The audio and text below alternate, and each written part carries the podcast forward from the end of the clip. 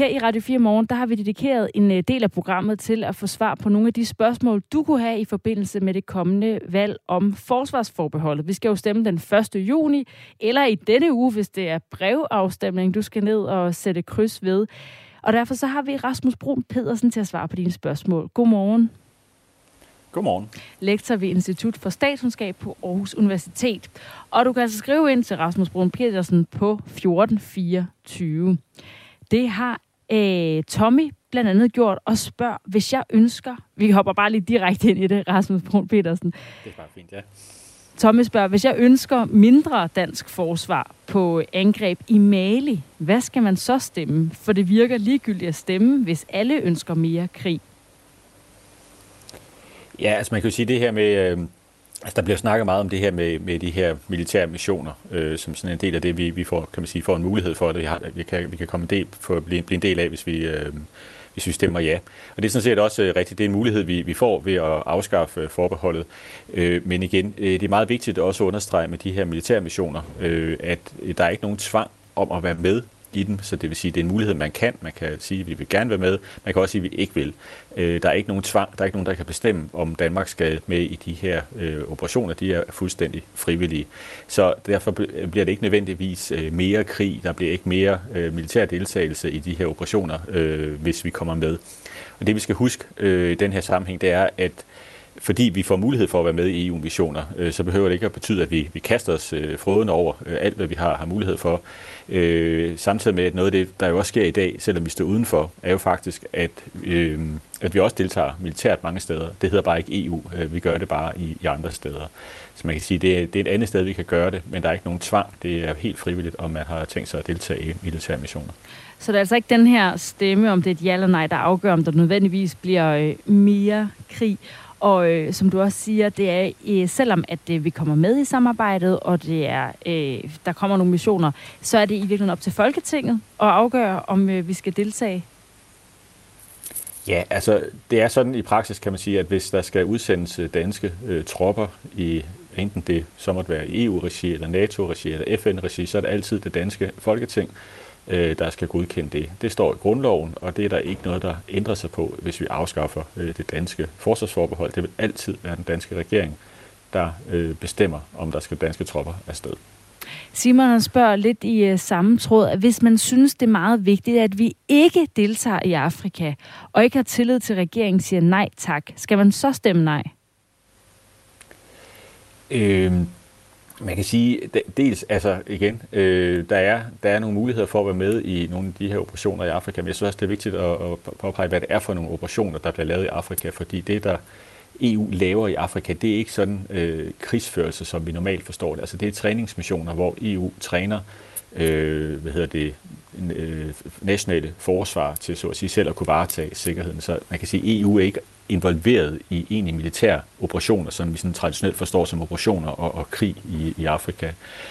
EU har øh, tre øh, sådan missioner, der har sådan lidt en skarp karakter eller sådan har karakter operationer. Den ene, det foregår nede ved Afrikas Horn, som er øh, hvad hedder det, piratbekæmpelse. Der har man overtaget efter NATO.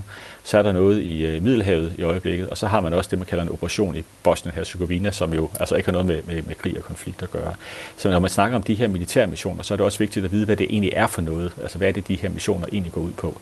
Og der er der altså en, en meget stor spændvidde i, hvad en militær mission egentlig er, som altså ikke nødvendigvis involverer øh, direkte krigsdeltagelse.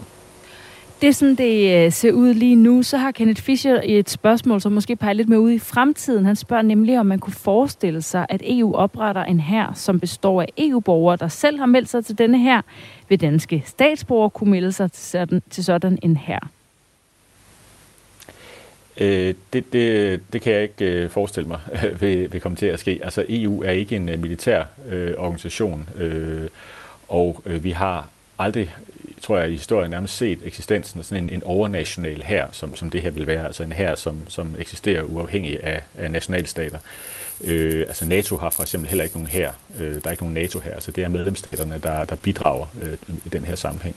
Så jeg, jeg tror ikke, at vi vil kunne se øh, et scenarie, hvor at, øh, at, at sådan EU udvikler sin egen her, som er løsredet fra andre nationalstater eller fra medlemsstaterne. Det, det ligger ikke i kortene. Det er der ingen, der har planer om.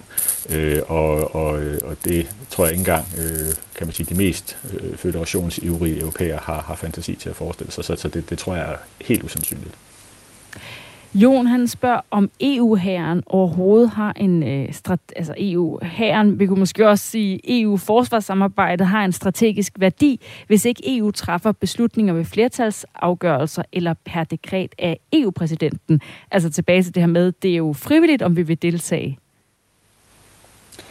Ja, altså jeg tror, jeg tror meget, den, den, øh, den øh, frygt, der måske også forvirring, øh, der opstår omkring den her EU her, det er jo altså hvad, hvad, for det første, hvad det er, men også hvad det er for en status, og hvordan, hvordan det så i så fald skulle operere.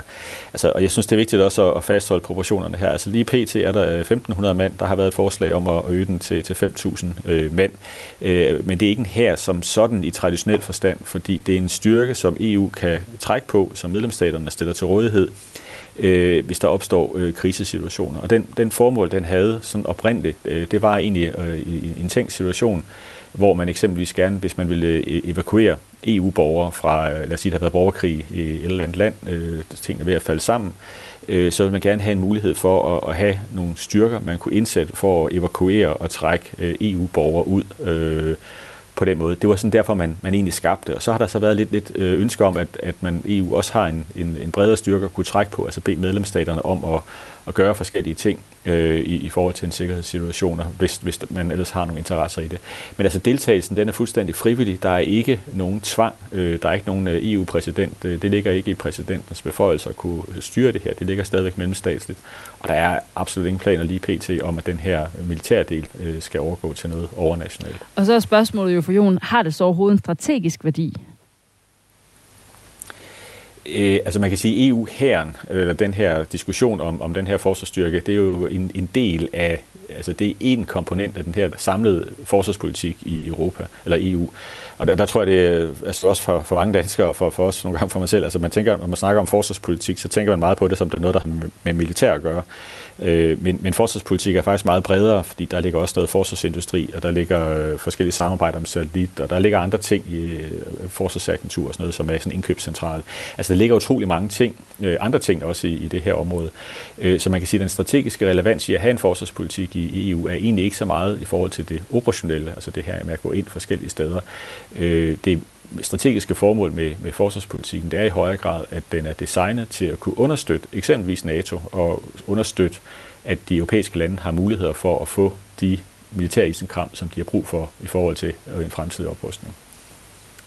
Du har også fået en besked fra Ole Blikfeldt. Han skriver, Hej Radio 4. Er det rigtigt, at forsvarssamarbejdet med de andre europæiske lande kan gøre overstatsligt, uden en folkeafstemning, blot ved 5 6. deles flertal i Folketinget? Hvis det er tilfældet, så har ja-partierne jo flertal, hvis nej-partierne mister bare fire mandater ved næste valg, og vejen til ikke overstatsligt samarbejde er banet uden folkeafstemning. Øh, men øh, altså i første gang, omgang er spørgsmålet altså, om man kan gøre øh, det europæiske forsvarssamarbejde overstatsligt ved, uden en folkeafstemning, hvis fem dele i Folketinget gerne vil have det. Ja, det, det, her, det, er jo sådan en, øh, det er jo sådan et af de komplicerede spørgsmål, så der skal vi lige holde, holde tungen lige i munden. Øh, man kan sige, hvis nu vi forestiller os, at øh, hvis man sådan skal prøve at tage et billede, så kan man sige, EU, det store EU-samarbejde, det er sådan det, det store hus. Altså der, der er flere områder, der, der er flertalsopgørelser og, øh, på, på en lang række områder. Så forsvarspolitikken, det er sådan lidt et annex øh, til, til det her, øh, den, her, den her bygning. Og i annexet, der gælder der andre regler, end det, der gør i, i hovedbygningen. Og det, der gælder i, øh, i annexet her, altså forsvarsområdet, det er jo det her med, at det er et, øh, et mellemstatsligt samarbejde, øh, hvor der er en, en formel øh, vetoret. Og det er der ikke pt. planer om at ændre. Det synes jeg er meget vigtigt at understrege. Den her van der Leyen-tale, der var for noget tid siden, det handlede om udenrigspolitik, det handlede ikke om forsvarspolitik. Så der er ikke nogen planer på nogen måde om, at det her øh, område det skal ændre karakter og overgå til øh, enten at blive overnationalt, eller at man ændrer beslutningsreglerne. Så for at svare kort på spørgsmålet, kan man sige, hvis øh, nu man beslutter sig for, at den her annex, at det skal sådan integreres, eller komme til at ligne den her stumperbygning, altså det vil sige, at der skal gælde samme regler, men så kræver det formentligt, øh, fordi det er et hypotetisk scenarie, så vil det formentlig kræve en traktatændring. Og hvis der kommer traktatændringer, så skal vi ud ifølge grundloven, fordi så vil det være suverænitetsafgivelse, og så skal vi ud til en folkeafstemning. Det er den ene vej, og så bliver det lidt kompliceret det her, fordi det er jo EU. Øh, hvis man så ændrer beslutningsreglerne bare, altså vi siger, at vi ikke ændrer, altså det, vi ikke gør det overnationalt, men vi har bare tænkt os at ændre beslutningsreglerne inden for området. Altså vi stadigvæk er inde i annexet, vi integrerer det ikke i det store hus, men vi ændrer bare beslutningsreglerne. Altså, øh, så kan man sige, så kræver det enstemmighed blandt øh, de politiske, eller det, blandt medlemsstaterne, øh, hvis alle er enige om det. Men der har den danske øh, regering så været ude og udstikke en garanti, at hvis man ændrer beslutningsreglerne, øh, så kræver det stadigvæk en folkeafstemning. Men det er ikke en juridisk garanti, det er en politisk garanti. Så uanset hvad kan man sige, så vil der komme en afstemning, øh, fremtidig afstemning, øh, hvis der bliver en ændring i traktatgrundlaget, eller hvis man ændrer beslutningsreglerne. Så øh, hvis der sker udviklinger, så kommer der en afstemning mere. Det var et meget langt svar. Ja, så, så ja, nej, men øh, tak for det, Rasmus Brun Pedersen. Øh, også for øh, at give svar på de mere komplicerede spørgsmål, der jo også kommer. Og ja, og tak for svar på alle sms'erne. Du har lyttet til en podcast fra Radio 4. Find flere episoder i vores app, eller der, hvor du lytter til podcast.